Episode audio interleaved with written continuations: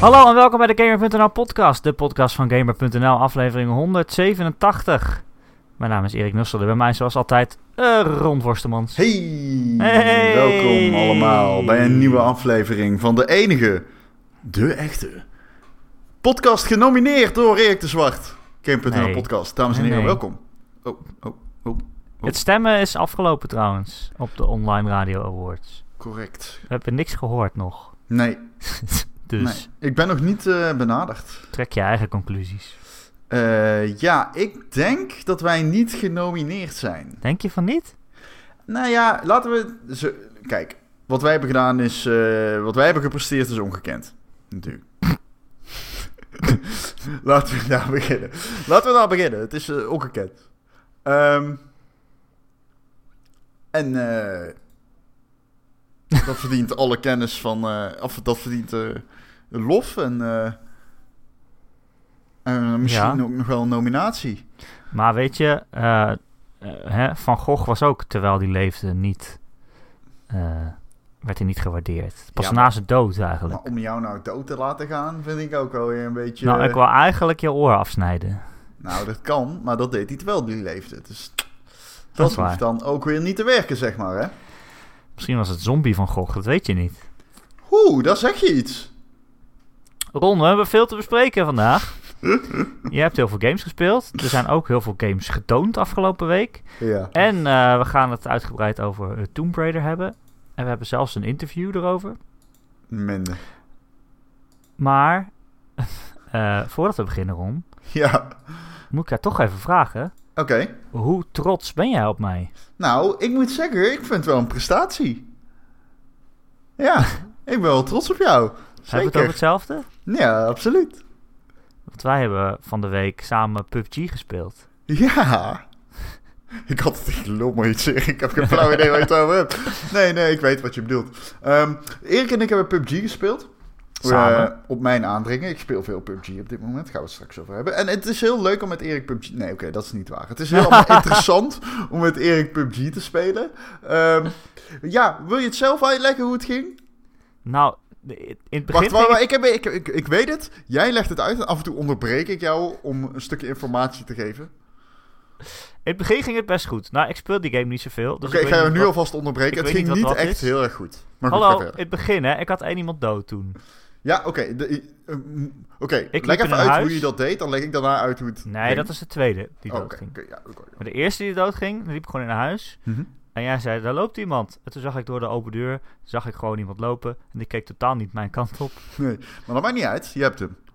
En toen heb ik hem geschoten. En ik dacht, Ja, oh, dat zal wel weer zo'n moment zijn dat ik de upper hand heb. Maar het alsnog verpest. Maar nee hoor, hij ging dood. Nee, ja. Hij was gewoon dood. Ja, nee, zeker. Je schoot hem doodgeschoten. kei dood. Eh, ik schoot mee, maar dat maakt niet uit. Oh. Jij schoot hem dood. Jij had de laatste koop. Is dat echt zo? Dat wist ik niet eens. Nee, ja, ik schoot absoluut mee met de M16 single Oh. shot. Ik raakte Oh, hem dus drie hij keer. keek, hij keek eigenlijk naar jou. Nee, hij, keek, eh, hij probeerde nog weg te komen. Hij keek voor zich uit. Ja. Jij schoot overigens met een Uzi. Oké. Geen idee. Ja, dus dat is... Dat is eh, wel het probleem van deze game, dat ik niet weet. Ja, Erik gun weet dus het verschil niet tussen een shotgun en een Uzi. En ik Dat weet ik wel, maar daar staat niet shotgun, er staat ASMR 15 of zo. Nee, dat staat... eh, eh, ja, Eh, maar je ziet dan de afbeelding dat het een shotgun is. Ja, eh dat, dat, kan, dat kan wel zijn. En bij een shotgun liggen patronen voor een shotgun. Pellets. En Dat geen normale ammunitie. Dus je moet het echt wel kunnen deduceren dat het een shotgun is. Had gekund. En toen waren we nog een stuk verder. En eh, toen kwamen we twee anderen tegen. Nou, nou het Erik is super knap. Hij kilt dus iemand. En eenmaal op een berg eh, komen inderdaad twee mensen tegen. Nou, ik begin te schieten. Dat, ik, dat is mijn ding. Dat zegt Bali ook altijd met wie ik samen speel. Van, ik, ik begin altijd meteen te schieten. Als, als de tegenstander dichtbij genoeg is. Als ik vind dat hij te dichtbij genoeg is, begin ik gewoon te schieten. Dus dat deed ik hier ook. Dus ik ging dood. Ik schoot overigens wel raak, maar hij helpt mij. En toen was het Erik tegen twee mensen. En Erik schoot gewoon iemand eh, weer eh, en nokte die hem op de grond. Nou, dat is knap, hè? Ja, met een shotgun op 300 meter afstand. Ik Ja, wist niet wat ik ik zag. Ik wist niet wat ik zag. Hij staat daar te schieten. Ik, Oké, in de tussentijd moet ik even erbij vertellen. Ik zeg tegen Erik, Erik, je hebt de wapens nodig voor iets langere afstand. dus hier, ik had dus... Oh ja, oh, in de- ik had nog twee mensen doodgeschoten. In mijn eentje. Allicht. Eh, ja, weet je dit niet meer? Zeker. Oké, Maar goed dat is geen verrassing bedoel ik voor mensen. Nou, nou, zo goed ben ik niet in PUBG. Ehm, maar dus ik, ik had nog twee mensen doodgeschoten. Dus ik stond daar te looten. En ik had al die geweren van die mensen laten liggen op die lichamen, zodat jij die kon pakken. En dan kun je, moeten jullie raden. Erik had een Uzi, alleen een Uzi. En ik zei, koop, pak wat geweren op lange afstand. Pak die twee keer. Je kunt twee wapens hè, in PUBG kun je selecteren en met je meenemen. Twee keer het shotgun. En let wel, twee dezelfde shotguns neemt hij mee. Twee keer hetzelfde geweer. En ik hoor opeens in mijn rug... Van echt heel ver weg. En God zal het echt hebben dat het gewoon nog lukt ook. Hij schiet gewoon iemand dood met een shotgun. Ehm, alleen ja, vervolgens werd hij dan wel doodgeschoten omdat die koffer probeerde te bieden aan een boom. Dat vond ik ook heel grappig. Vervolgens dacht jij, ik pak, pak een pistool en ik ga dichterbij. En Ja. toen keek je, helemaal de foute kant op. Ja, ik wist niet meer waar die was. Hij zat, ja, ik hij dacht zat- achter een boom, maar achter een andere boom. ja, hij probeerde jou te flanken. Ja, dat moet hij niet doen. Ja, dat moet hij wel doen. Jij moet weten dat, dat, hij, eh, dat hij dat wilde doen. Maar ja, Ja. daar kun jij ook niks doen als je niet zo vaak spelletjes speelt waarin je moet schieten natuurlijk. Dus dat is allemaal wel te verklaren. Ja, dat hoeft, had voor mij niet gehoeven, dit geluid. Maar het is... Nee, stop. Dus ehm, ja, het was een interessante ervaring. Hè? Zoals dit dan heet. Het heet een ervaring. Het was een epische Een ervaring. epische ervaring. En Van ik epische vond- proporties. van epische proporties. En ik vond dat jij het goed hebt gedaan. En je hield stand. En dat was knap. Ja, we waren echt eh elfde of zo. Ja. Ja. Maar ik Ja. denk dat de lezer, luisteraar inmiddels wel door heeft dat het allemaal niet zo vlekkeloos ging als nu wordt geïmpliceerd. Maar het ging ook niet zo slecht als je van tevoren zou verwachten. Maar als de causaliteit en kansberekeningen hun werk hadden gedaan in deze wetten van het universum, waren wij eigenlijk altijd doden opgeschreven voordat wij de grond hadden geraakt vanuit onze parachute. Eigenlijk. Ja, Dus want ik wist niet, ik weet niet hoe je moet sturen in de lucht. Oh mijn god. Ik zeg tegen Erik, hij, hij, hij denkt, ik ga vooruit op het moment dat hij zijn mannetje als een pijl naar beneden Dat ik naar voren druk, ja. Als ik naar voren druk, ga ik toch naar voren. Ja, Dat je moet toch naar voren? Nee, dat is niet logisch als je je mannetje verticaal als een pijl omlaag ziet gaan. Ja, dat klopt eh, uiteindelijk. Ja, dat klopt. eh, Ik ja. druk naar voren, dan denk ik, mijn poppetje gaat naar voren. Je bent, gaat hij eh, dus naar beneden. je bent Harder. Nog Ja, ik harder, moet recht naar zeggen, beneden. Dat is toch wel apart. Dat, eh, ja, het zit er bij jou niet helemaal in, hè? Dat de, de, de, de, de, de, de deductie, jezus, deductie De, de, de, van de Donald wetten. Duck zie. van de game. Van de Ik dacht al dat ik Donald Duck zie. Eh, nee, ik weet nog steeds niet hoe je moet sturen in de lucht. Je kijkt gewoon waar jij heen wilt. Oh.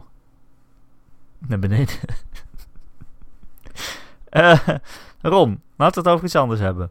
Erik, laten we het over een spel hebben dat jij al vijf maanden teest, omdat je een keer een demo ervan hebt gehad en het embargo ongeveer 900 jaar voor je uitlag. Ja, dat is dus heel irritant, want nu ben ik alles vergeten. Ja, Drie weken geleden of zo ging ik, eh, heb ik Tomb Raider gespeeld. De eerste vier uur, dus een nieuwe eh, Shadow, Shadow of the Tomb Raider. De eerste vier uur van de game gespeeld. Ron, eigenlijk het belangrijkste wat jij moet weten, ja, wat niet in mijn preview stond op gamer.nl. ja.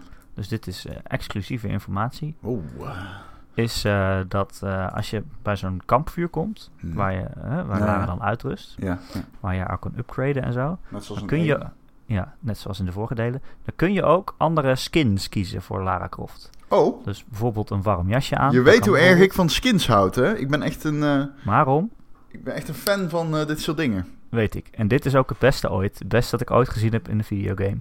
Om even een hyperbol in te zetten. Je kan dus ook, eh, zeg maar, het hele oude Lara Croft model kiezen. Met die En dan- puntige tieten. Met die puntige tieten. En dan is ze dus ook helemaal pixelig. Oké. Eh, en dat ziet er heel oud en crappy uit. Maar als ik het zo vertel, dat doet eigenlijk geen recht aan hoe cool dat is. Je moet het je gewoon even voorstellen dat je een cutscene hebt met een waar ze tegen iemand praat, die wel gewoon helemaal realistisch is vormgegeven. Ja. Ze praat tegen haar vriend Jonah. En maar zij zelf is een pixelige Lara Croft die niet eens een mond heeft, Ja. maar, maar wel een heel dramatische scène uitbeeldt. Ja. Dat lijkt me wel grappig. Dat is hè? Dat is, dat is zo geestig. ja, dat is wel grappig. Maar het is ook zo stom.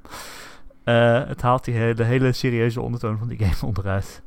Maar en het is zo grappig. Dat is wel grappig. Oké.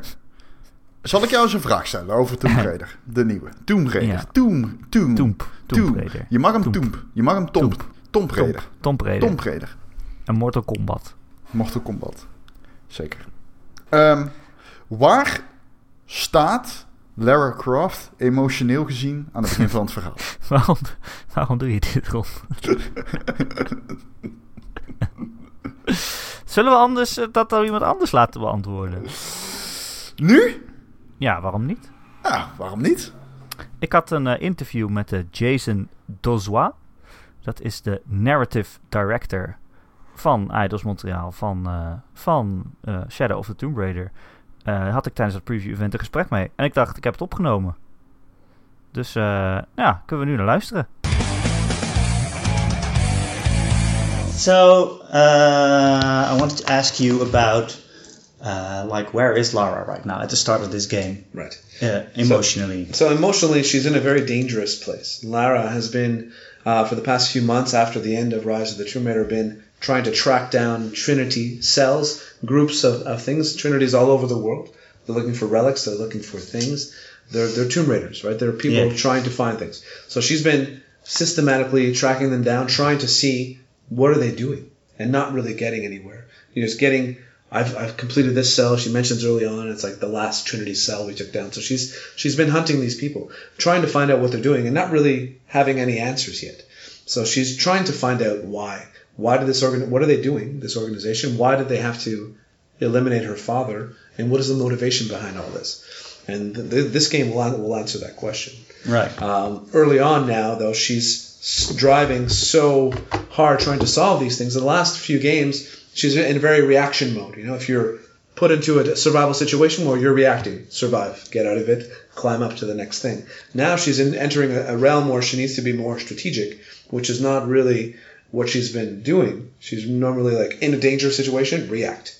So now she's acting, and now she's becoming much more powerful, much more capable. So this acting without understanding everything is getting her into bad situations.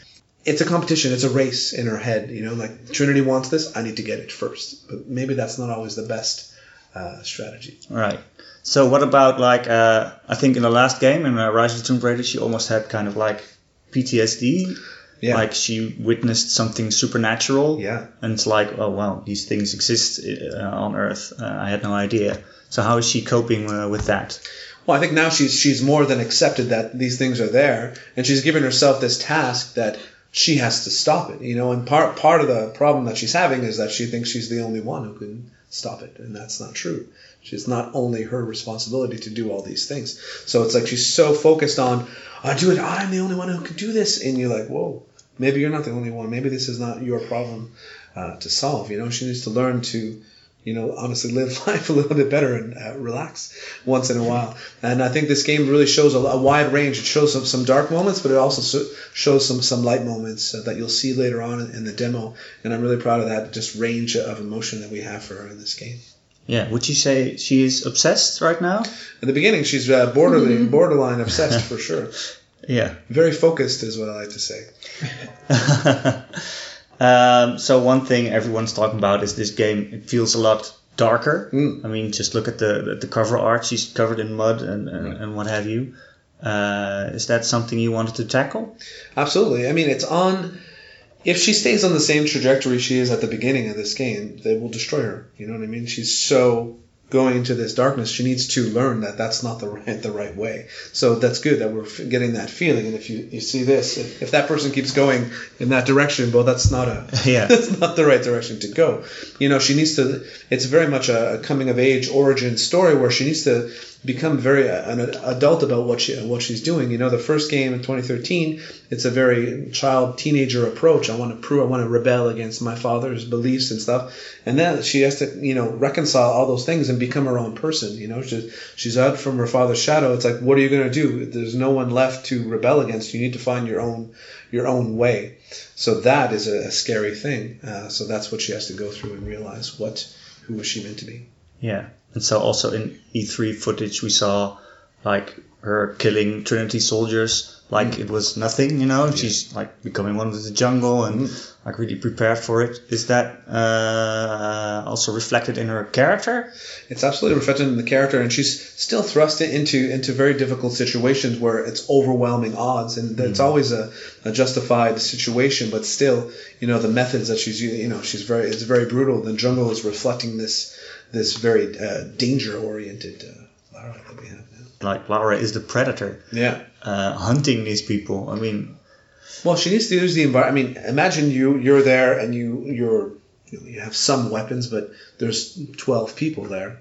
Well, you're not just going to run up and, and, and charge them. You need to use a strategy. Her strategy by uh, playing through the jungle is to actually use the environment like the predators in the jungle use the environment and hit and run and hide and then use the right moment to strike. So that's that's what that means. It's it's using this the strategy to your advantage. So you not only have your power, but you have the power of the environment to help you win.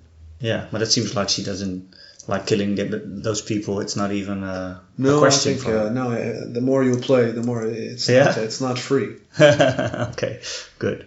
Uh, we talk about this trilogy, right? So is this an ending for you? Well, it's the ending. Well, for me, I'm going on vacation. It's the it's the ending of this story arc, right? Right. From 2013 here, it was planned from the beginning to make three games to really create this origin story for her. So it's the end of that. Is it the end of Lara as a character? I don't think so. No. Yeah, but uh, I mean, it, it is like uh, closing uh, the chapter. It's a it chapter. Yeah, absolutely. I wanted to ask you about her companions, like like Jonah. Uh, I just saw him return. Yeah. Uh, do they also get sort of closure in this game? The uh, Jonah has a very interesting arc in this game. I don't want to spoil No, anything, but don't. as you see, I mean, from if you've played 2013 and right, I mean, he's evolved uh, tremendously. He's definitely gone to the gym since uh, since Rise of the Tomb Raider. He's in better shape. Just trying to keep up with Lara, going on for the pa- past few months, uh, trying to keep up with her and, and, and track down Trinity. And he is really instrumental in this story, being almost Lara's moral compass and a companion, and really challenging her when it matters. Uh, so it, it's an essential character to the story for sure. Yeah. So, uh, how is it for uh, Idols Montreal to like finish this? That I mean, you've worked on the on the series for, for longer, but but you are finishing something that someone else started, I guess. Yeah, well, it's a, it's a big responsibility, and we want to end it in a really satisfying way. So we've been working very hard to make sure that that happens, and, and working in close collaboration with Crystal just to make sure that it's the best we can make it. Yeah. So, uh, do you get any like? Uh, do they tell you like uh, how to write to Lara or? Well, it's a collaboration. I mean, it's not not at a low level like that, but I mean, they're aware of all the phases of production and stuff like that. Feedback, playtest. I mean, it's a it's an ongoing, open conversation. So it's not like it's a hey, what's this? It's kind of always uh, ongoing, and people playing as we go and give us feedback. Yeah, it's great. Um, so one more thing I wanted to talk to you about is uh, uh, like uh, the, the the city that Lara finds, I guess, or like the culture that she's investigating. Yes. Um, in the trailers, we saw like uh, Mayan temples or something that looked like Aztec, maybe. Yes. Um, is it is it something you created uh, for this game specifically? Yeah, I mean it's it's inspi- We want to have a fact-based fiction, but I mean fiction being the big word and fact-based a little bit smaller. So we did a lot of research. Uh, there is a, a lost city, a myth called Paititi. So we just took that and then just did a fictional version of that with a what if question. What if some Maya people came from Mexico thousands of years ago, exited with a relic and, and brought it to a, to a place? Uh, and that's a what if question. And what if over time different cultures came in and, and created this new unique uh, culture? So that's that, that was really the what if question that, that we had. Yeah. So Lara is uh, investigating this culture. I, you use you use the word uh, anthropology. Yeah, it, you know, instead of just uh, being around dead things, you know, like it's now she's going to be around living things. So it's like you start uh, the game in Day of the Dead. So death, you know, that life and death is uh, thematically very relevant, and we wanted her to be with people, around people, very early in the game. Because we want to have created a, a different tone. So that's kind of a preview of the kind of social content you can get. At the end of this demo, you'll see uh, one of the smaller hubs that we've created. You'll be able to do a side mission and talk to people and merchants and stuff like that. And at ITT, it's the biggest hub we've ever created with lots and lots of people, different districts, and and the anthropological side is learning about their unique culture and their cultures and and doing side missions and exploring and uh, getting documents and relics and just really learning about the place. Yeah. So was it also like after Rise of the Tomb Raider, which was really like snowy and, and cold and I guess white uh, everywhere? Were you looking for something totally different? Well, yeah, you want it to be not only different in tone, but also visually. You know, what's a more colorful? I don't know if you've seen some of the the PyTT uh, screenshots, but it's like it's beautiful. You know, it's uh, blue skies and water and green and, and, and just just a very different uh, tone. And even within the game, we have a huge range of, of different moods and textures and tones. Game's almost out. Uh, a few more months. How are you feeling right now? I'm very excited. It's fun to be traveling, talking about it. It's fun to break because I've been working so hard for the Yeah. past uh, six months, but I'm very anxious for everyone to see uh, everything. I'm very proud of the game. Nou, dat was Jason de Zwa.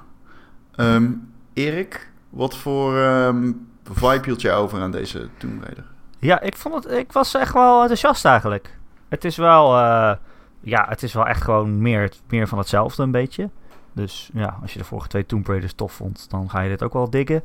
Maar het is wel, het is nog sneakiger dan, dan voorheen eigenlijk. Ja, weet je, maar dat is een ja. beetje zo'n dooddoener van... Oké, als je de vorige leuk vindt, vond je deze ook leuker. Hij is leuker omdat je meer stealth hebt? Ja, ik vond het wel. Ik, je hebt veel, voor mijn gevoel had je veel meer opties. Je kan eh, bijvoorbeeld modder op je gezicht smeren. Eh, en dan ja, word je minder snel opgemerkt. Holy Eh, fuck. Dit nou, kon al in Metal Gear Solid 3, vriend. Oké, het is nieuw voor deze serie. Eh, er zijn nu ook muren met begroeiing, waardoor je echt langs de muren kunt sluipen naar iemand toe. Het is echt gewoon veel meer op het sluipen gericht eh, dan de vorige games. En het is nu ook van, bij mij ging het een keer fout het sluipen. Het ging het alarm af. Het kwam er ook meteen een helikopter aanvliegen en daar stapten drie zwaar bewapende soldaten uit en die begonnen het vuur te openen. Eh, en toen had ik wel een beetje een probleem. Dus het is ook wel echt de bedoeling dat je gaat sluipen. Is het nog steeds wel echt die Tomb Raider shit? Of is het meer dat je soort van formulematig die gebieden ehm eh, ontdoet van vijanden? Zoals je zag in die E3-trailer, weet je wel? Zij kruipt een beetje bovenaan, eh, door de bomen bedoel ik, en schiet af en toe een pijltje in iemands hoofd. Af en toe springt ze naar beneden om iemand te wurgen, maar ze bl- blijft inderdaad uit het zicht. Eh, en ze gaat heel formulematig te werk. Is het dat heel erg? Dat je echt een soort van, hoe ga ik deze omgeving, zoals Uncharted 4 had af en toe. Dat je af en toe een kleine arena-omgeving had en je had heel veel vrijheid om te kijken van, hoe ga ik nu één voor één deze vijanden uitschakelen. Ja, dat is het inderdaad. Het is eigenlijk meer een soort puzzel dan, dan dat het echt een, dat een shooter is. Dus je hebt inderdaad van die kleine arenaatjes. Nou, je hebt een, een kampje met, met zeg tien soldaten. En dan is het aan jou van eh, hoe ga ik ze één voor één omleggen. Dus je kan een beetje eh, bijvoorbeeld over de takken van de bomen lopen. En dan kan je ze van een afstandje met een pijl met een touw eraan zeg maar eh, schieten. En dan hang je ze eigenlijk op. Eh, maar je kan ook naar beneden springen, ze wurgen. Je kan door de bosjes sluipen. Je kan ook eh, onder water, kunnen ze je ook niet zien. Eh, dus je hebt best wel veel verschillende manieren om dat op te lossen. Maar het is wel echt de bedoeling dat je het zo een beetje verstopt en ze één voor één aanpakt, zeg maar. En we hebben het nu vooral over de gameplay, maar is de gameplay hetgeen dat jou het meest bij is gebleven? Of moeten we ook iets verwachten narratief? Nee, nou ja, dat is, vond ik wel opvallend. Want kijk, de gameplay van die, van die games vond ik altijd al heel sterk. Eh, maar het verhaal ben ik eigenlijk een beetje vergeten. Deel Ja. 1 staat er nog wel een beetje bij. Deel van het 1 was echt gewoon, hier is Trinity, zij zijn boos, explosies, Nou ja. Lara leeft. Ja, deel 1 was wel met dat eiland volgens mij. En dat je dan zo'n storm had van, Ja. het, van het bovennatuurlijke dingen. Deel 2 weet ik eigenlijk echt bijna De niks deel meer 2 had ook bovennatuurlijke dingen. Dan dook je op het einde dook je die grot in. En daar waren mensen die eh, on, de ondoden, die konden ook niet dood. Ja, oh ja, dat is waar ook. Maar van deel 2 weet ik vooral dat je heel erg in de sneeuw liep. En er was iets met Trinity. Ja. En verder, verder weet ik het niet meer. Maar dit deel, ja, dat is, vond ik, dat is me wel het meest bijgebleven. Dat ik echt wel iets gaf om het verhaal of zo. Ik vond het best wel boeiend. Wat Jason het ook in het interview zei, is dat, dat Lara echt wel eh, in de problemen komt. Omdat ze gewoon obsessief bezig is. En eh, eh, ja, ik bedoel, ze is geen perfect personage in dit deel. Ze is gewoon echt helemaal bezeten eh, achter Trinity aan het jagen. Het is een Eh, tussenfase, voelt het. Ja, eh, ja nou, nou, kijk, nou, dat zei hij net ook. In die vorige twee games was ze meer aan het reageren. En nu is ze echt aan het act- actief Ja, ze, ze, is zelf ze aan het jagen. Ja, precies. Ik, ik, wat, ik, ik heb dit interview natuurlijk ook geluisterd. Ehm, eh, ja, het- Ja, dat was net. het was net. precies. Nee, ja, nee, hier lul ik me perfect uit verder. Er is een moment, zeg maar, ehm, in de vorige... Er zijn heel veel momenten. Nou ja, oké, laat ik het anders zeggen. Er zijn Ehm, momenten, ja. I- In eh, The Reverend met Leonardo DiCaprio. Dat is echt gewoon. Mensen zeggen dan van hoeveel kunnen we Leonardo DiCaprio laten incasseren voordat hij een Oscar krijgt. Weet je wel? Dat is een beetje de running gag over die film. Hij incasseert eigenlijk, eigenlijk van alles vechten tegen een beer, vallen met zijn paard van een, van een hoge klif, eh, beschoten, doorspiest, verbrand. Eh, van alles overkomt hem in die film. Die vibe had ik heel erg bij eh, Tomb Raider 1 en 2. Van, wow, Lara wordt echt gaan... Ook doorspiest, ook verbrand. Ze verdrinkt bijna. Ze valt een keer uit een vliegtuig bij een waterval. Al, onwijs vaak komt zij gehavend uit de strijd. Is dat weer Ja. zo? Of is ze iets Ja. meer powerful, minder kwetsbaar, zeg maar? Eh, nou, ze is wel echt een badass, maar er gebeurt, er gebeurt nog steeds heel veel. Ik bedoel, ze stort weer neer met een vliegtuig. Dus wat dat betreft. Ehm, eh, eh, maar ik vind vooral het, het persoonlijke ding hier wel interessant. Wat, wat dus gebeurt aan het begin van de game, dat is al eerder verteld. Dus niet echt een spoiler. Maar zij gaat een tombe in en ze wil zo graag eerder zijn dan Trinity bij een bepaald artefact. Dat ze dat gewoon oppakt zonder na te denken. Maar daarmee zet ze per ongeluk eigenlijk de apocalypse eh, in, in gang. Nou, kleine Dus het is Indiana eigenlijk- Jones verwijzing, hè? Temple Ja. of Doom? Ja, precies. Maar dan in plaats van een rollende bal is het gewoon de hele wereld die, gaat, eh, die niet ten onder gaat. hey, volgens sommige mensen is de wereld een rollende bal. Alleen dan op een kosmische schaal. Maar wij weten dat de wereld eigenlijk plat is. Niet meer dan een zwevende steen rondom een grote vuurbal. Een hypernova. Hypernova is heel, heel iets anders. Ehm, maar dat vind ik wel interessant. Dat zij dus zo eh, in aanvalsmodus zit dat ze zonder na te denken gewoon... Ja, het is nu echt haar schuld dat, dat, dat mensen omkomen. Hè, het moment dat ze, dat ze dat artefact oppakt, eh, is er meteen een soort zondvloed eh, door die hele stad waar ze is. En ja, allemaal mensen die hun huis kwijt zijn en zo. En eh, zij wil dan meteen weer achter Trinity aan. Maar dan heb je die Jonah, die vriend van haar, die zegt dan... eh yo, die zijn allemaal mensen die hulp nodig hebben. Dus misschien moeten we daar iets aan doen. Ehm, dus dat is wel interessant. Hij is echt een beetje een soort het morele kompas voor haar. Eh, het geeft hem ook wel een interessante rol. Want hij, is, was hij echt zo, weer? Ik ga even hij was zo'n personage wat ik... Is hij die, ik ga het oneerbiedig zeggen, die dikke? ja, die grote zwarte meneer. Ja. Hij is niet meer echt dik. Hij heeft in de sportschool gestaan. Hij is nu best wel gespierd. Oké, is dit ook echt een Best verhalend ding? Of is die gewoon opeens Ja, ja, nou dat, ja, dat is, heb ik wel begrepen. Dat hij wel echt... Ze zijn al maanden bezig om Trinity uit te roeien. En hij is wel echt een soort van eh, eh, in shape nu. Om, dat, om Lara ook bij, een beetje bij te houden. Hmm. Dus, eh, oh, ja, dus hij best gaat wel mee klimmen en zo. Ah. Ja, ja.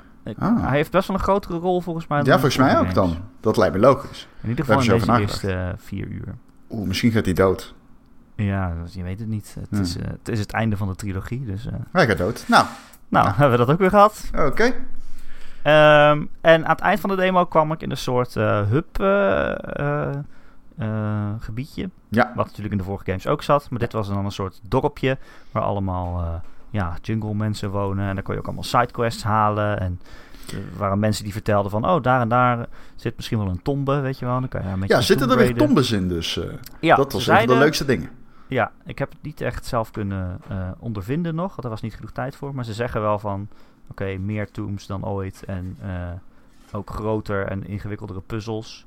Er kwam wel tijdens het verhaal een soort van tombe tegen. Of in ieder geval een heel groot puzzelding. Dat was best wel... Het was niet zomaar een simpel puzzeltje. Het was echt wel een immens ding. Met een toren die je moest beklimmen. En meerdere stappen die je door moest komen om dat op te lossen. Dus ook echt qua puzzelen is het ook wel weer een stap omhoog volgens mij. Oké. Dus ik denk eigenlijk in totaal gewoon, ja, de Tomb Raider die je wel kent, maar dan, ja, alles net iets groter en net iets gevarieerder. Oké. En dat vind ik eigenlijk helemaal niet zo erg, dat het zo op de vorige lijkt. Ja. Het is net iets duisterder en rauwer en, ja, wat ik zei, st st- stealthiger en eh, bloederiger. Eh, ik ben ook benieuwd of dat, eh, of de game dat adresseert. Ik bedoel, Jason zei net in het interview van... Want ik vroeg hem van... eh, yo, die, die Lara lijkt echt medogeloos gewoon alle soldaten om te leggen. Dat lijkt me ook niet helemaal normaal. Maar hij zei ook echt van... Ja, op een gegeven moment in de game ga je wel zien dat dat ook wel een prijs heeft. Oké. Dus eh, ben wel benieuwd naar de rest. En Ik heb er ehm, zin in. wat... eh, ja, ja, je bent benieuwd. Heb je er nu ook extra zin in? Is het een, Ja. eh, heeft het jouw vertrouwen gesterkt dat het een goede game wordt? Ja, nou ja, wat ik zeg, ik vind het niet zo erg dat het op die vorige games lijkt, lijkt. Want die vorige games vond ik echt heel erg sterk. Volgens mij heb ik deel 2 een 8,5 gegeven. Ehm, en als nu ook nog eens het verhaal ook nog interessant is, wat bij die vorige games natuurlijk niet zo, echt zo was, tenminste voor, mijn gevoel. eh, dat vond ik wel hetgene wa- waardoor ik nu extra veel zin heb in die game. Dat ik denk, oh, ik wil eigenlijk de rest van het verhaal weten nu. Dat had ik van tevoren niet zo verwacht. Oké. Oké. Cool, hè? Ja, dat is eigenlijk best wel markant allemaal. Ja. Ja. Ja. Wie weet wordt het gewoon een uitstekende game. hey, ik sluit het niet uit. Ik sluit het niet uit. Eh Rondvorstemans. Ja. Heb je zin in een... eh, eh, hoe noem je dat? Een bliksemronde. Laat hem even doen. Bliksemronde. Pew pew, lightning round. Eh, want er was eh, deze week... eh, Lightning Ball. Dat is er ook een nummer. Ja. dat weet ik niet. Nou. Lightning Ball. Het zegt maar niks. Nou, ik doe hem gewoon. Ik doe hem gewoon. Het is vandaag... Over een gekke Doom dag. gesproken. Wat zei je nou? Jij zei ik Doom gewoon. Toen zei ik over Doom gesproken. Oké, ja. Nee, want we wilden Lightning Round doen omdat er heel veel games zijn onthuld. Of eigenlijk waar je extra beelden van hebt gezien. En een daarvan was Doom. Doom. Doom. Doom. Dus ik dacht ik doe hem gewoon. Ja, Doom dit is een goede grap. Ik, dit is best boven jouw niveau, laten we eerlijk zijn. Doom Eternal. Daar hebben we de eerste gameplay video's van gezien. Ja. Ehm, ik vond het er wel best wel tof uitzien. Ja, het was ook wel weer meer Doom eigenlijk. Ja. ja, ik heb altijd bij die Doom games van... Oké, nou, ik snap het. Het is veel schieten. Het, eh, ik, ik, ik loop daar niet heel warm voor of zo. Nee? Vond Nee. je de vorige Doom niet heel goed? Ik vond hem oké. Ik vond hem inderdaad niet heel erg goed zoals sommige mensen begonnen te raven over dat echt fantastisch was. En ik, eh, wat ik heel erg waardeer is hoe die eh, muziek samensmelt en zo. oh en ja, lekker ja. met, eh, met de gameplay. En dat zijn, dat, dat zijn toffe dingen. Eh, ik vind hem niet specifiek heel veel beter schieten dan eh, zeg maar de beste schietspellen die er zijn of zo. En ehm, ik vind hem ook, ik vond hem snel vervelen. Ik vond sommige arena's gewoon niet zo leuk. Ik had er niet de hoge lofzang voor over die sommige mensen wel hebben. Nee. Nou, nou, ik weet niet. Op de een of andere manier pakte mij, pakte Doom mij wel. Dat heb ik natuurlijk niet heel snel met shooters. Maar eh, ja, Doom dwong mij om, om, echt dat, om het echt als een shooter te spelen, zeg maar. Want normaal ben ik altijd heel voorzichtig als ik een first-person shooter speel. Maar dat kan bij Doom niet. Je moet echt rondrennen en eh, ook melee aanvallen doen. En eh, als ze dan knipperen, dan kun je zo'n glory kill doen, weet je wel. Dan moet je wel dichtbij komen. Ja, dat, dat- Dus ja. ja. je bent echt de hele tijd aan het rondrennen. En dat do- doen normale mensen misschien altijd in shooters. maar ik niet zo. Nee, maar dat heeft Dus, er niks eh, mee te maken. Dat is afhankelijk van het schietspel dat je speelt. Maar er zijn er voldoende waarin je dat inderdaad wel moet doen. Maar ehm, ja, die zijn er trouwens helemaal niet voldoende. Dat is het leuke aan Doom. Het is weer zo'n Het is heel snel. Ja, het is weer zo'n onortho- Het is weer zo'n shooter die je in lange tijd niet eh, gezien hebt. En eh, het pakt het leuk aan, hè, door er volledig op toe te leggen. Maar ik heb niet bij Doom van, wow, what the fuck, holy shit. Het blijft voor mij wel gewoon in de kern een heel simpel, simpel schietspel. En Ja, dat doet me dat gewoon niet zoveel. Ja, nee, dat, is, dat ben ik ook wel met je eens, ja. En eh, ik heb ook niet het idee dat dit, deze Doom Eternal nou heel veel nieuws gaat doen. Nee. Volgens mij zijn er meer demons en meer verschillende glory kills. die grapplehoek ziet er tof uit. Ik zag een eh, toffe glory eh, kill. Die, zag ik, eh, die was tof. dat hij iemands hoofd in zijn romp sloeg. Ja, dat is zo stom. ja, maar- Dat was zo belachelijk. Het ziet er echt niet uit. maar goed, ja, grappig. ja, funny. Maar ik zag zelfs in deze zes minuten... Of ja, ze hadden drie video's, maar... In één video van zes minuten zag ik al dezelfde glory kill Ja. meerdere, meerdere keren voorkomen. ja, dus, ook, ja. En het eh, dat was ook nog zoveel. eens dezelfde glory kill die ik twee keer zag. Als in Ja. de vorige Doom. dat is ook weer niet zoveel variatie. Maar goed, ik heb er wel weer zin in Ik eigenlijk. heb er ook wel zin in. Ik vond... eh, ik hoop alleen iets meer afwisseling. ja. De gameplay kon- voor alleen deed het voor mij niet echt. Hm. Eh, een andere game in de, in de bliksemronde, Lightning Round. Red Dead Redemption 2. Ja, Ook eindelijk gameplay laten zien. ja. Wat werd je daar warm van? Ik werd daar wel bang. Het ziet er wel uit als een heel goed gemaakt computerspel. Ja, het ziet eruit als heel veel, hè? Het ziet eruit als heel veel. Het ziet er ook uit als, holy fuck, de helft van deze mechanics, zoals mensen intimideren onderweg. En ik denk van ja, daar kom ik waarschijnlijk nooit echt eh, in een positie dat ik dat gebruiken ga. En ik kan me haast niet voorstellen dat daar dan weer een heel doordacht spelsysteem achter zit, als je begrijpt wat ik bedoel. Ik kan me gewoon bijna niet voorstellen dat dit echt is uitgewerkt op een manier dat je zou willen. Omdat het gewoon too much, lijkt mij, is. Is het niet gewoon, je drukt op een knopje om te intimideren en dan doet hij dat en dan... Ja, maar je ziet hem dan ook echt iemand bij de kraag grijpen en op hem inslaan totdat hij luistert. Of uh, een voorbijganger die dan uh, iemand berooft en dan uh, met zijn getrokken geweer naar jou kijkt. Zo van, hé, hey, mot je wat? En ja. dat jij dan zegt van, hey, howdy partner, I'll just leave you to it. En dan rijdt hij, of dan, ja, dan, dan, dan loopt hij weg alsof er niks aan de hand is op het paardje. Huppelt, hoppelt. Alleen ik had heel erg wel. Wildlife ziet er insane tof uit in die game. De wildlife? Ja, vond ik heel gaaf. De rol die natuur speelt. Het jagen en zo kan me waarschijnlijk gestolen worden. Ik zag alweer dat je sporen kunt volgen uh, van dieren en zo. Nou, dat vind ik niet zo tof. Weet je dan zie je zo'n rookpluim ding, zo'n rookspoor, zeg maar. Een soort van geurspoor, weet je wel, oh, dat je ja. moet volgen. Ja. Dan denk ik al van, oh, daar heb ik geen zin in. Um, maar het is wel tof dat het erin zit. Maar het zit er vooral... Ik vond die beesten er echt belachelijk vet uitzien. Op het moment dat hij die... Dat, nou, hij draagt een hecht, dan brengt hij terug naar zijn camp. Een camp dat je dus overal met je mee naartoe neemt. Tijdens missies mee. Neem je tijdens missies met je mee, zeg maar. Je, je gang zet camp op. Camp op. En uh, dat, dat, dat vond ik ook wel tof. En uh, nou ja, dan sleurt hij zo'n beest mee. Zo'n hecht naar de, achter op het paardje. Naar het kamp. En dat ziet er zo vet uit, weet je wel. Ja. Heel mooi, maar ook wel echt zo van: oké, okay, ja, dat uh, jagen en zo is dus wel iets waar echt daadwerkelijk moeite in is gestoken. Ja, en ik, ik, weet ook niet, ze hadden het ook over van: ja, dan moet je jagen om, om weer eten mee te nemen naar je kamp. Ja, dat bedoel ik dus. Ja. Zodat het moraal van je ja, nou, medemensen omhoog gaat. Je zag mensen klappen toen die voorbij kwam met dat hecht op de rug. En, uh, ja, ja, dan denk ik, ja, daar heb ik eigenlijk niet zoveel zin in. Nou ja, weet je, het is. Uh, ik vind dit soort dingen niet erg als ik het niet dat. Als het allemaal natural komt, weet je wel? Dat je op een gegeven moment. Uh, oh, even. Niet dat ik. Niet dat ze zeggen, oh, we gaan ben. nu jagen. Kom, we gaan nu jagen. Maar misschien als je gewoon bezig bent met een missie en je komt onderweg een hert tegen, dat je denkt, pam, die heb ik even. Ja, ja zoiets.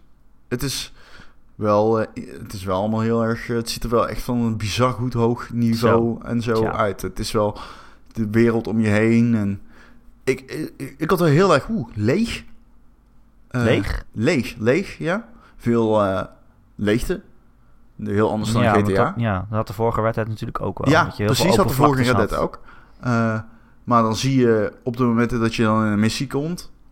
Ja, het ziet er zo fantastisch uit. Ja, dit wordt echt zo'n game waarvan ik waarschijnlijk niet alle sidequests ga doen uh, waar ik te weinig uithaal vergeleken met andere mensen. Maar die ik wel heel geweldig ga vinden. Omdat dat verhaal en die setting en zo, dat spreekt me gewoon heel erg aan. Ja, misschien als je... Ja, ik heb ook het idee dat het gewoon heel veel is. Stel je wil alle sidequests doen, dat je dan echt 100 uur bezig bent. Of ja, dat weet ik niet, man. Dat was bij die vorige Red Dead viel dat ook wel mee. Dus er was wel heel veel om te doen, maar dat deed je toch niet. Want ja. het was niet zo dat iedere quest een aparte dialoog had of zo. Heel veel van die shit was gewoon, uh, ga even jagen. Ja, ja, is ook zo. Ik ben benieuwd. En uh, ja, wat ze er online mee gaan doen, is, I don't give a fuck. Nou, dat vind ik wel interessant. Misschien nee. niet voor mezelf, maar wel om te volgen. Want je hebt natuurlijk oh, GTA ja, nee. Online, wat know. nog steeds zo extreem groot Tuurlijk, is. En waar ze zoveel uh, ze hebben GTA Online gemaakt, absoluut.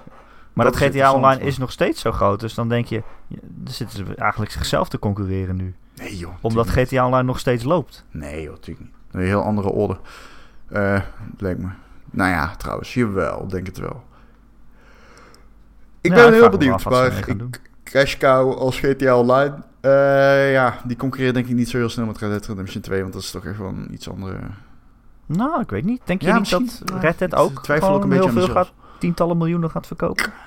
Nee. Ze zullen misschien niet GTA 5 gaan uh, Ja, bijhalen. maar nee.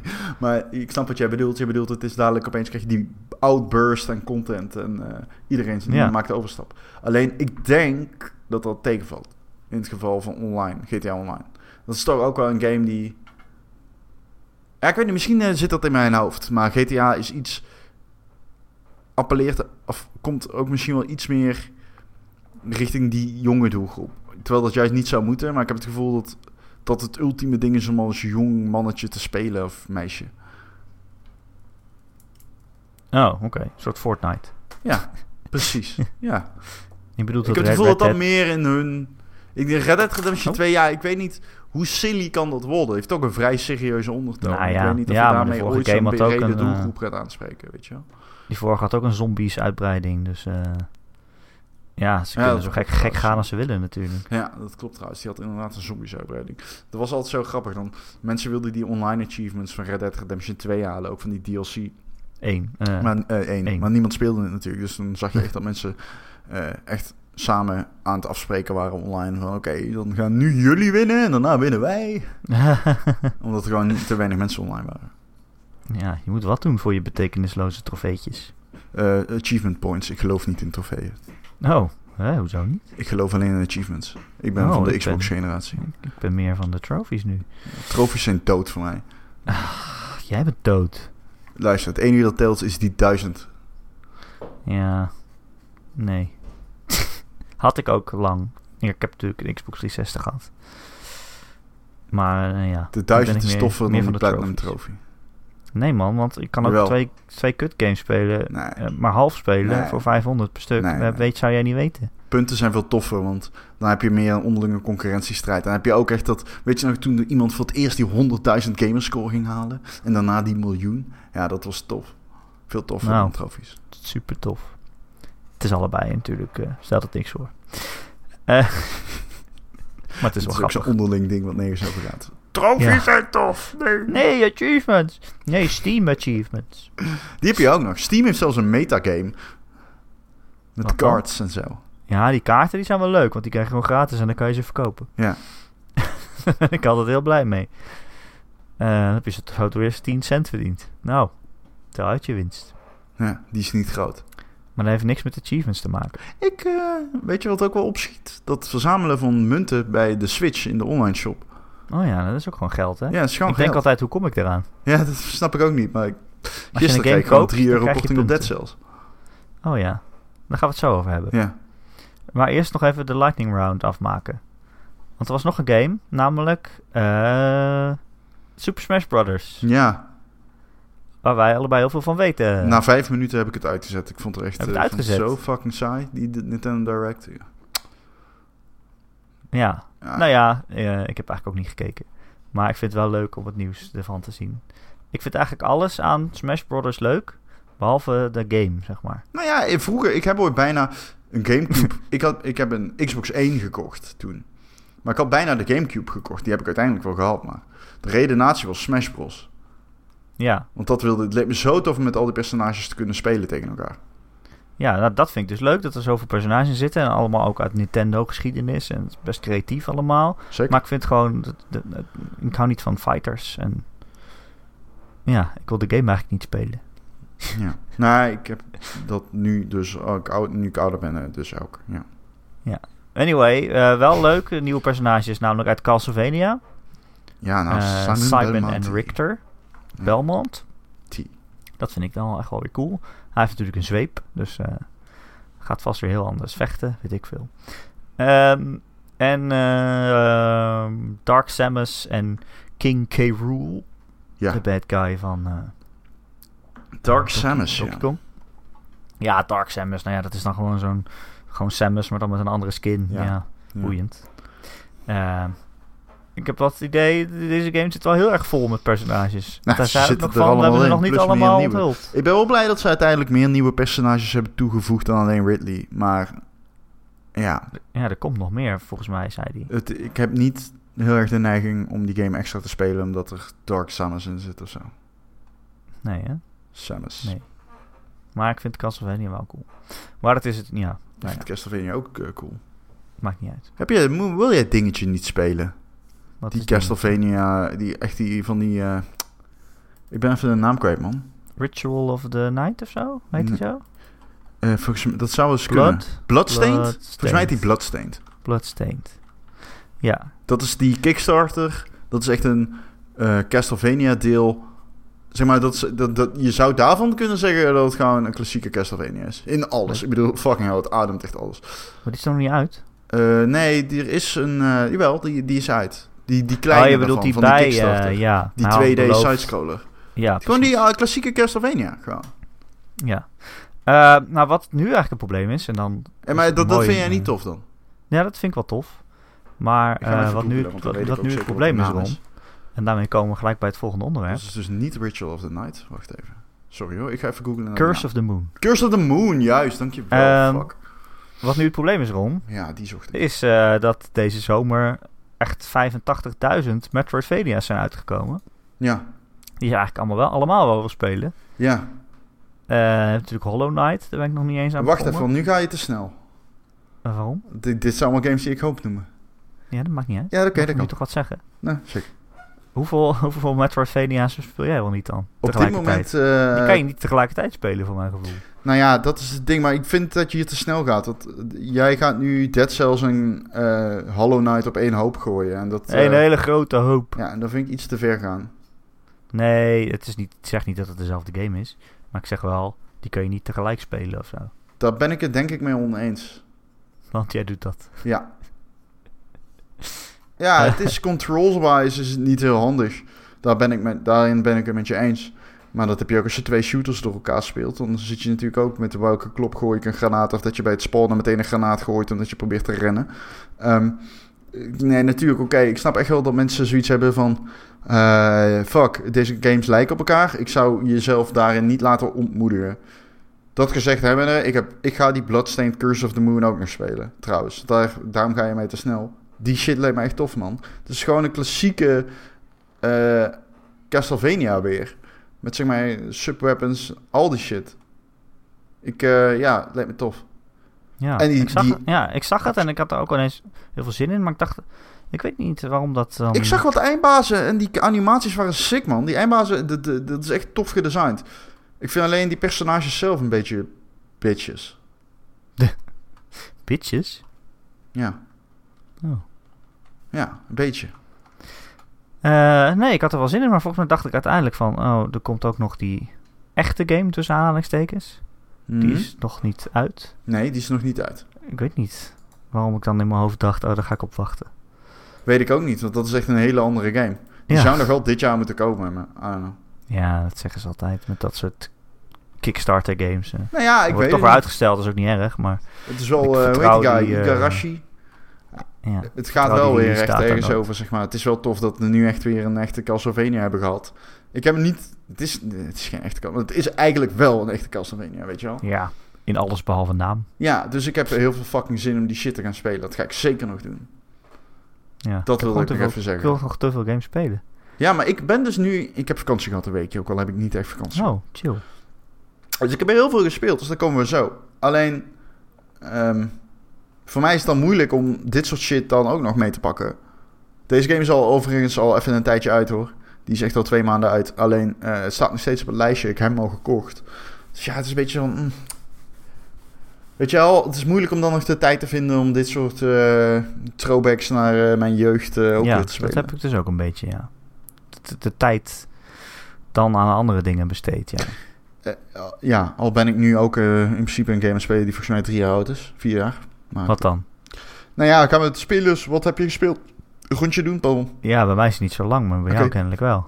Eh, wat heb je gespeeld? Speelt, speelt. Wat, wat, wat, wat, wat heeft Rond gespeeld? Rond Horstermans. Goeiedag, hallo. Ehm, Call Cold The Witness. Want ik ben eh, nou. samen met iemand aan het spelen.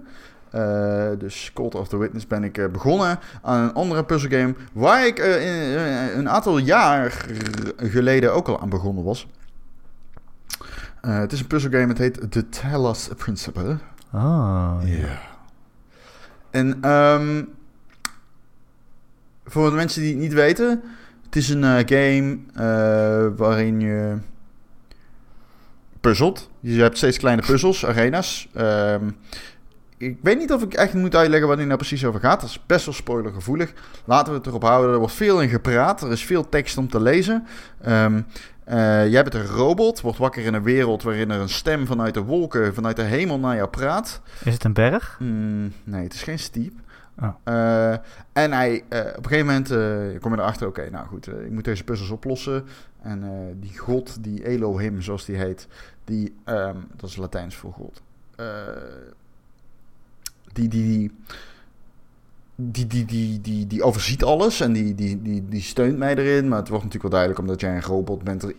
Het doet iets met, ook nog met eh, een, een, ramp die heeft plaatsgevonden in het verre verleden. Het is gewoon heel onduidelijk in het begin. Uiteindelijk kom ik erachter, oké, ik zie wat hier aan het spelen is. Ik zie wat hier aan het spelen is. Ik ben bij een van de laatste puzzels. Ik heb hem bijna uitgespeeld. Ehm, het wordt steeds moeilijker. Ehm, ik vind het een hele leuke game. Het is een eh, spannende game. Het verhaal is wel interessant. Ik ben op zich wel benieuwd waar het heen gaat. Ehm, kijk, wat het... Bijvoorbeeld als je hem dan zou vergelijken met een andere populaire eh, puzzelgame... die ik heel erg tof vind... is The Witness natuurlijk. Want dat is een van mijn favoriete games ooit gemaakt. Oh ja, is dat zo? Ja, dat schijnt zo te zijn.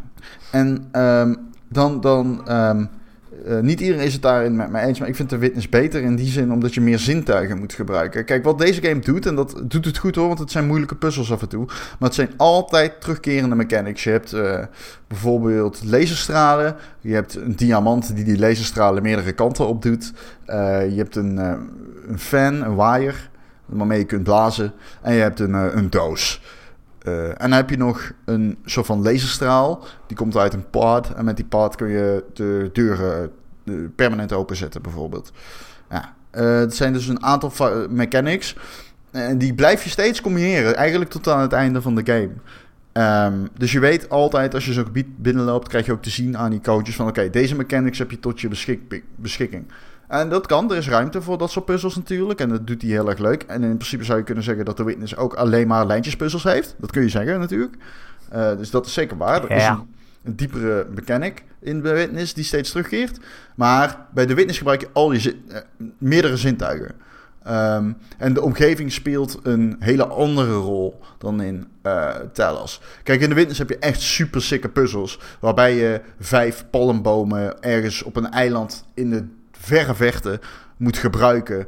Om in perspectief te kunnen plaatsen, om een lijn te kunnen trekken. Die doorloopt in een, de weerspiegeling van het water. en eh, zodoende. eh, eh, als je op een, gegeven, op een gegeven moment kom je erachter en denk je: What? Oh my god. Oké, dat is heel tof gedaan.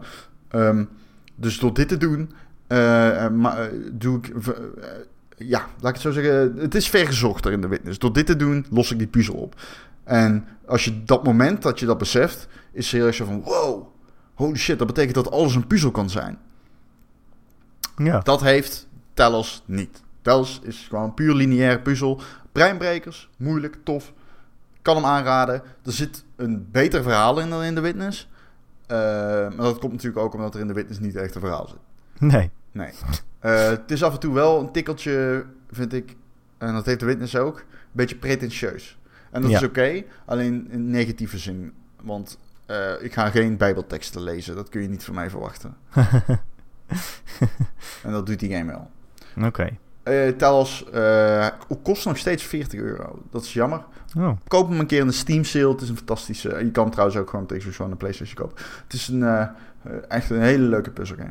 Binnen 20 uur ben je er klaar mee, maar het is heel erg leuk. Nou, lang zat trouwens. Ja, de Witness heb ik Ja. 150 euro voor gedaan. Maar zwart. Het is lang zat. Maar als we nu voortaan alle puzzelgames met The Witness gaan vergelijken... Nee, dat is ook niet is eerlijk, maar dat is de holy grail. Dus dan vind ik, in mijn optiek. Dus eh, dat is mijn favoriete puzzelgame of all time. En ik hou heel erg van puzzelgames dus. Hè? Ehm, dan komen we op een andere puzzelgame. Die is veel korter. Die kun je echt binnen een paar uur uitspelen. Misschien niet eens een paar uur. Je kunt hem misschien wel binnen twee uur uitspelen. Eh is nu in de sale op de Switch.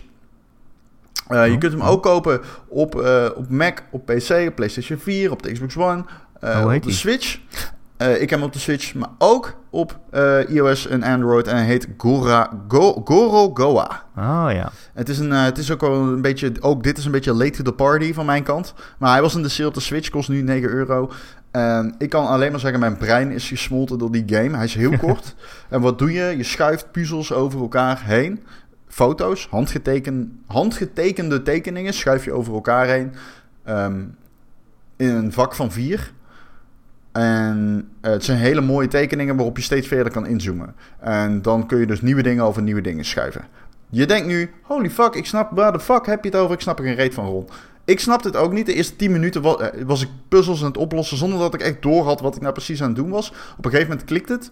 Ehm, bijvoorbeeld, eh, dan zie je een kastdeur. Dan zoom je in op de kastdeur. En dan sleep je de achtergrond van de kast weg. Waardoor de kast nu eh, twee deuren... De twee deuren staan open van de kast en de achtergrond is wit. Dan pak je de overlay dus. Dan pak je dus die kastdeur en die sleep je over een eh, muurschildering heen. En dan kan een personage door de kastdeur in die muurschildering lopen. Heel erg vaag, I know. Maar het is wel ontzettend tof. Het smelt je fucking brein. Het is een visueel eh, ingerichte eh, denkwijze. Heel erg die je moet hanteren. Heel erg van, hmm, als ik dit hier overheen schuif, wat zie ik dan? Wat gebeurt er met dit frame? Dus je moet op een hele andere manier puzzelen dan in de Witness en in, eh, in, eh, in Tellas. Maar het is wel zeker, het heeft heel veel, heel veel esthetische waarde. Die, die shit is echt schitterend. Ehm, proberen men zei het absoluut. Het is heel kort, het is eh, niet zo duur nu. En het is echt een fantastische, fantastische puzzelgame. Maar het is ook gewoon echt een hele mooie game. Het is gewoon echt heel ziek om die animaties in elkaar over te zien vloeien en zo. Ehm, eh, alleen in een podcast eigenlijk onmogelijk om deze game uit te leggen. Ja. Ja, daar kan ik echt heel, heel lang over eh, praten. Dat, ja. Oké, cool. ja, zeker. Eh, ik heb nog meer gespeeld. Ja, ik wil alles weten. Ja, dat is, dat is- ja, dat is een beetje het nadeel van als je... Als je ehm, vakantie hebt. Als je vakantie hebt, ja. Dan, ik ik eh, heb echt de tijd gehad om, eh, om eh, veel in te halen. Ik pak even... Want ik, ik, Maar oh, speel jij... Want als ik vakantie heb, dan kies ik meestal Je één bent- game...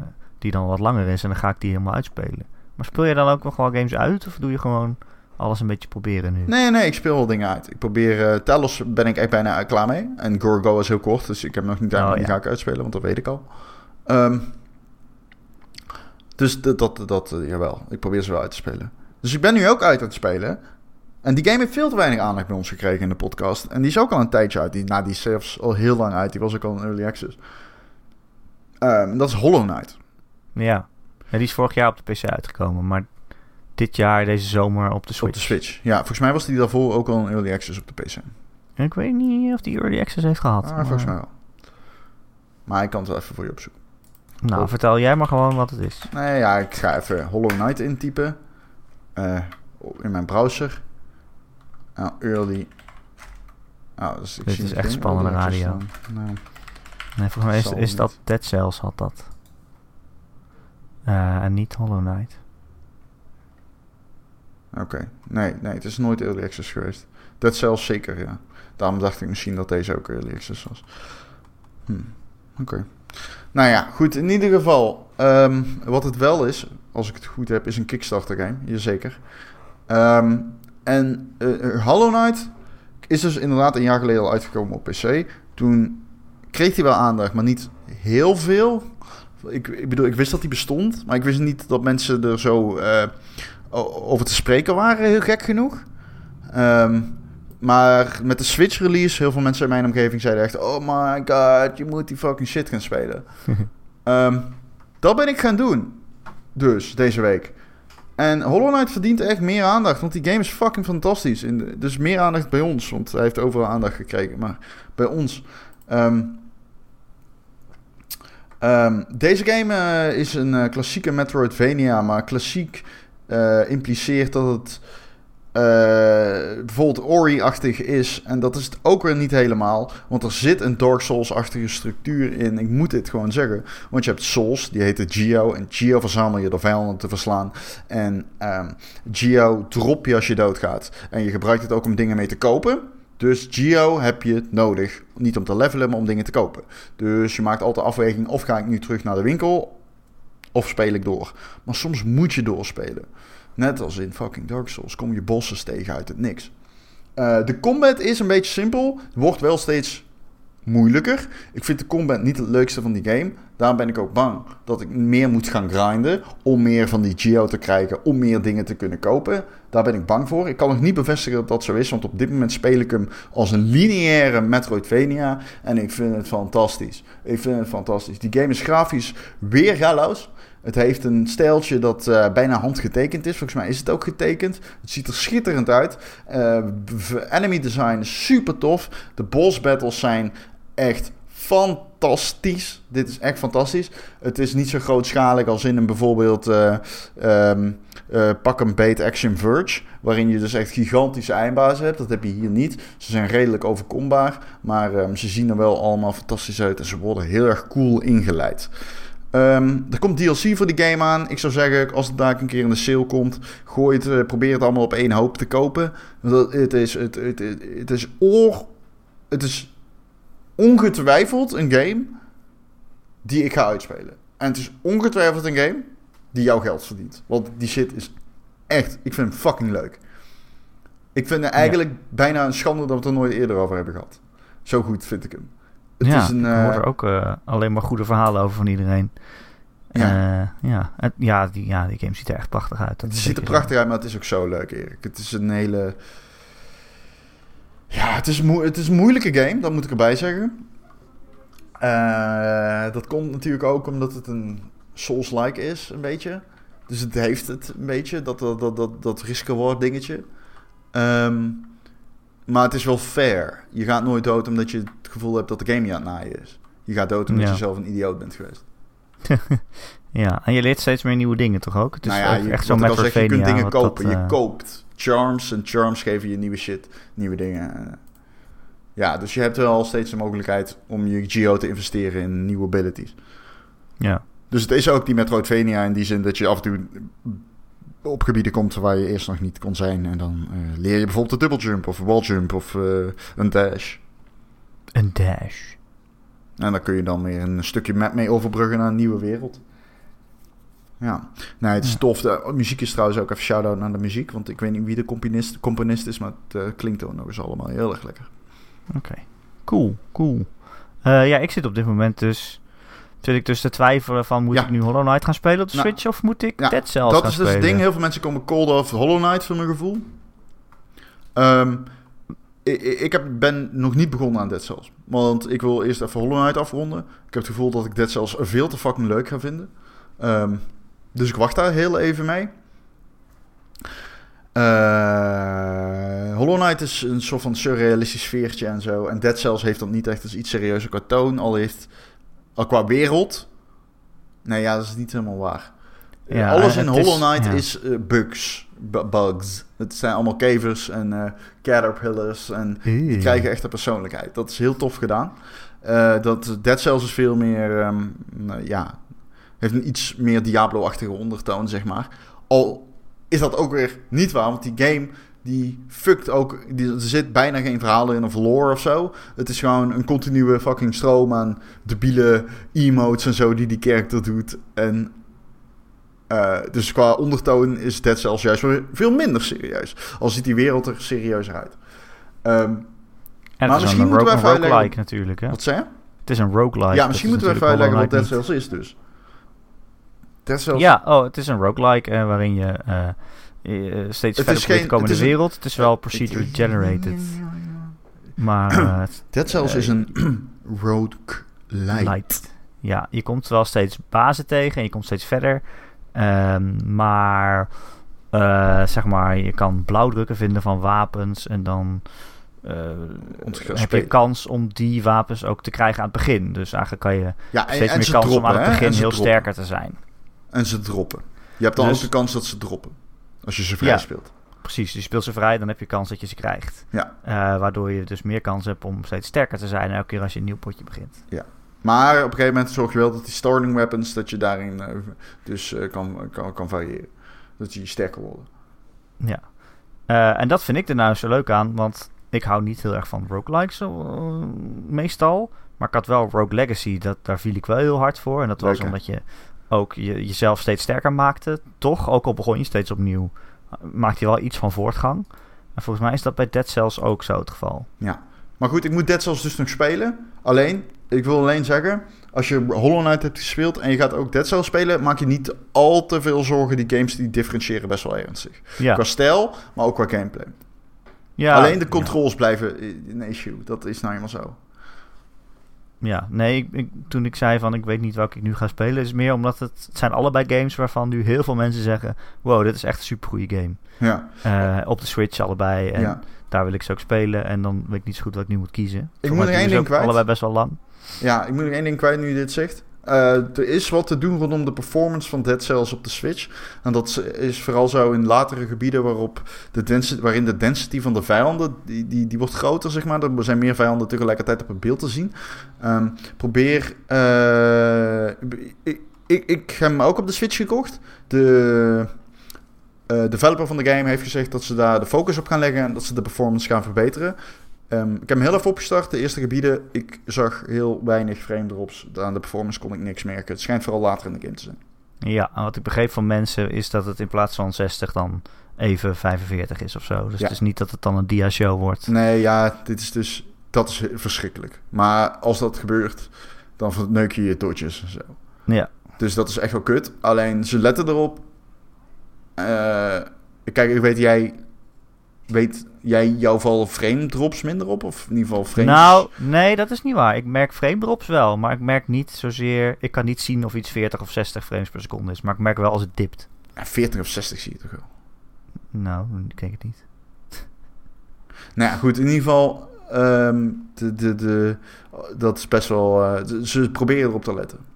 In ieder geval, ze gaan, ze weten het en ze proberen het te maken, zo moet ik het zeggen. Ja. Mooi. Eh, Oké. Ron, ik denk dat we er wel zijn. Ik heb er nog eentje. Oh, heb je nog iets gespeeld? Ja, ik speel heel veel PUBG dus. Oh ja. En ze zijn met iets markants begonnen. Eh Bluehole, PUBG Corp, zoals het dan officieel heet, ehm, is begonnen met een, ehm, een marketingcampagne eh, omwille van de, de, de, de vele kritiek die PUBG krijgt op platforms als Steam. Eh, grotendeels negatief is op de verdict van mensen die de game eh, recent hebben gerecenseerd daar. De users althans. Eh, ik kan je één ding vertellen. Als ik die game nu zou moeten recenseren, krijgt u mij een 9 of hoger. Ik vind het fan fucking fantastisch. Ehm, anyway. Ze, ze, ze komen ervoor uit dat die game kapot is. Want natuurlijk, qua quality of life shit is echt PUBG een train voor verrek. Eh, ik, ik ben gewoon verliefd op het concept. Ik kan dit eeuwig blijven spelen.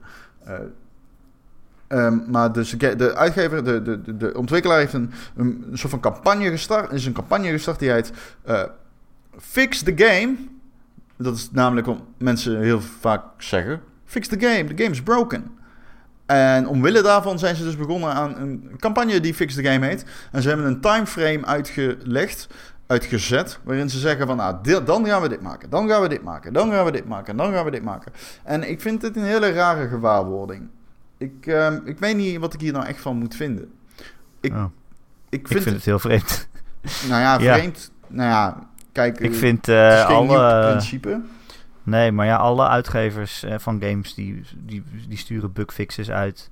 Maar ik heb nog nooit iemand er zo'n heisa over horen maken. Nou, het idee erachter Wel wat is knap dat- van ons dat we dat gaan maken. Ja, dat, dat kan je ook meteen doen natuurlijk. Ja, dat is natuurlijk niet realistisch. Maar ehm, dat, dat, dat is zeker niet realistisch, lijkt me, om zo te redeneren. Want dan kun je... Ja, die game is uit. En als je game gewoon heel veel bugs heeft. Ik bedoel, ik wil niet zeggen dat je game dan meteen kut is. Ik vind PUBG ook fantastisch.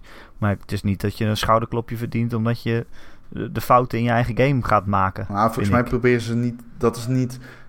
Ze willen gewoon dat die eh user score omhoog gaat. Dat is zeg maar een beetje het ding. Tenminste, ze willen meer credibility.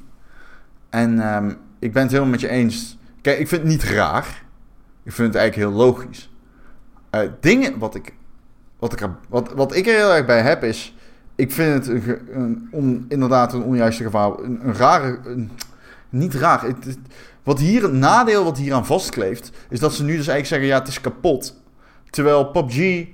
eh, het werkt wel... Alleen, het is gewoon een game waarvan je uiteindelijk kunt zeggen... dat die nog even in Early Access had moeten zijn. Ehm, dus was langer in Early Access gebleven. Ehm, de feedback die ze nu krijgen... hebben ze aan zichzelf te danken. En om dan zo'n campagne te starten met eh, fix the game, fix PUBG, is zo, is zo eh, rancuneus ergens. Je schrikt er spelers extreem mee af, nieuwe spelers. Die denken echt dat ze gewoon een fucking trainvrek kopen. En aan de andere kant, je herkent er ook mee dat je game kapot is. Terwijl dat in mijn opzien wel volgens mij gewoon wel meevalt. En het voelt ook een beetje als een rare knieval richting al die mensen die dan heel erg hameren op het feit dat die game beter moet. Maar het wel 300 uur gespeeld hebben. Ja. Ehm, er kleeft een hele nare smaak aan dit fenomeen van ontwikkelaars die alles in het gareel stellen om die user, om die communities maar tegen moeten komen. Om maar bij die communities te zeggen van, oh nee, nee, nee, nee de spelers zijn het belangrijkste. Oh nee, nee. Het is maar vooral dat, weet je wel. Dat van, oh nee, niemand is belangrijker dan de spelers. Ik heb daar een beetje een hekel aan. Probeer eens gewoon eh staven waar je in gelooft en probeer niet zo het, de fucking, oh, de, de, de, de, het voelt alsof ze over eh, glasscherven lopen of zo. Doe eens gewoon even ja. doe nou eens gewoon even normaal. Fix je fucking shit. En die community, laat die gewoon aan je anus roesten. Who gives a fuck? Doe gewoon jouw ding, doe waar jij in gelooft. Maar fix het wel. Uiteraard, fix het wel. ja, dat is het wel. Want Maar- je zegt, doe waar jij in gelooft. Maar ik denk ook niet dat ze zelf geloven in bugs. Ik Nee, bedoel, maar het is meer dat dit bugs. weer heel erg is van o- o- op eierschalen lopen. En zeggen van, yo, oké, eh, zo, we weten het, we weten het. Weet je wel, take it easy. Like, Nou ja, ik vind wel, als er maar genoeg mensen in je community zeggen... Hé, hey, dit- deze bugs zijn echt vervelend. Dan moet je daar wel naar luisteren. Ik bedoel, dat is goed om daarnaar te luisteren. Maar om nou een heel campagne te maken van het feit dat je je bugs gaat oplossen... Dat vind ik een beetje raar. nou, precies. eh. Ik Dus vind ik- het logisch dat je Ja, je bugs graag. oplost. Het is, Ik vind is het logisch. Het is Als er gewoon, bugs ik in je heb game een aan. Als er bugs in je game zitten, is het logisch dat je die gaat oplossen. Ja, maar je hoeft er geen... eh, dat hele fucking community ding kun je er gewoon aan loslaten. Ja, die campagne kun je ook loslaten. Zeg gewoon, Ja. we gaan dit en dit en dit en dit en dit dan gaan- maken. Maken. bugs fixen. En dat hele nare, de community is onze god sfeertje, vind ik, komt me een be- begint me een beetje de neus uit te komen. Ik heb ermee gehad. Dat is ook Daarover ook dat gesproken... hele... Daarover gesproken... Ja, dan kom je ook al bij dat ArenaNet ding natuurlijk. De Gamer.nl podcast heeft ook een hele leuke community. Ja, Dat is ook onze god. Eh, namelijk in het Discord-channel. ja onze fans zijn ons alles. En wij zullen alles doen om Is onze fans tegen moeten komen. Is wel zo. Behalve hun vragen beantwoorden, want daar hadden we geen tijd voor deze week. Maar geen zorgen, iedereen die een vraag heeft gesteld, ik eh, heb het opgeslagen. En eh, komen we een andere keer aan toe. Als je ook vragen hebt eh, voor onze podcast, dan eh, kun je dus naar onze Discord-channel, kun je lid worden. Er zijn, eh, hoeveel leden hebben we inmiddels al? Volgens Bijna mij al 75. meer dan 70, hè? Ja. Bijna 75? Ja. Nee, 77 hebben we er al. Wow, wow, wow, wow. Ja, het gaat hard. Dus het is hartstikke gezellig daar. Ik kan met ons kletsen en met elkaar en afspreken om te gaan gamen. En Ja. dus vragen stellen. Zeker. Eh, als je ook vragen, andere vragen wil stellen en niet in de Discord wil, kan nog steeds gewoon mij mailen. erik.gamer.nl, erik met een k.gamer.nl. Of je laat een reactie achter onder het artikel waar je deze podcast in vindt op maandagochtend op gamer.nl. Daar zijn wij elke maandagochtend weer te, te vinden. Kun je ons downloaden. Je kunt luisteren via Soundcloud of je abonneren op allerlei podcast apps zoals Stitcher of Pocketcasts of wat dan ook. Eh, en als je een eh, iPhone hebt, kan het natuurlijk op iTunes. Als je er toch bent, zouden wij het super fijn vinden als je een keer een sterrenrating achterlaat. Aantal sterretjes, misschien een tekstje erbij, wat je ervan vindt. Eh, en als je dat doet, dan zijn we weer beter vindbaar voor nieuwe luisteraars. En dat vinden wij super fijn. Eh, Ron, Ja, jij bent mijn god. dankjewel. Jij bent ook mijn volgeling. nee, grapje Erik, jij bent ook mijn god. Nee, grapje, dat is ook niet waar. Eh, jij bedankt. Ja, jij ook bedankt. Je was dreef vandaag. Ik heb, heb je meer dan vier zinnen gezegd? Ik kan. Ja, ik heb het over Tomb Raider gehad. Oh, dat is waar ook, ja. ja. Ik heb zoveel gepraat over wat ik gespeeld heb. Ja, en ik zat in een interview. Ja, dat is waar. Dat was een goed interview. En ik praatte Engels daarin. Ja, Dat hoor je ook niet vaak. emotionally. Yes, it's true. I want to ask you about Lara Croft. She is uh, the Tomb Raider. She is de Tomb Raider. Also, uh, she rates uh, very much tombs this game. Hm? Yes, no. Ah ja, It's yes no question, so it's, it's not a problem, a, I think. It's question. Thank you. Okay. No, thank then, you. Uh, next week. No, thank you. Uh, Until uh, next week. Bye bye. Goodbye.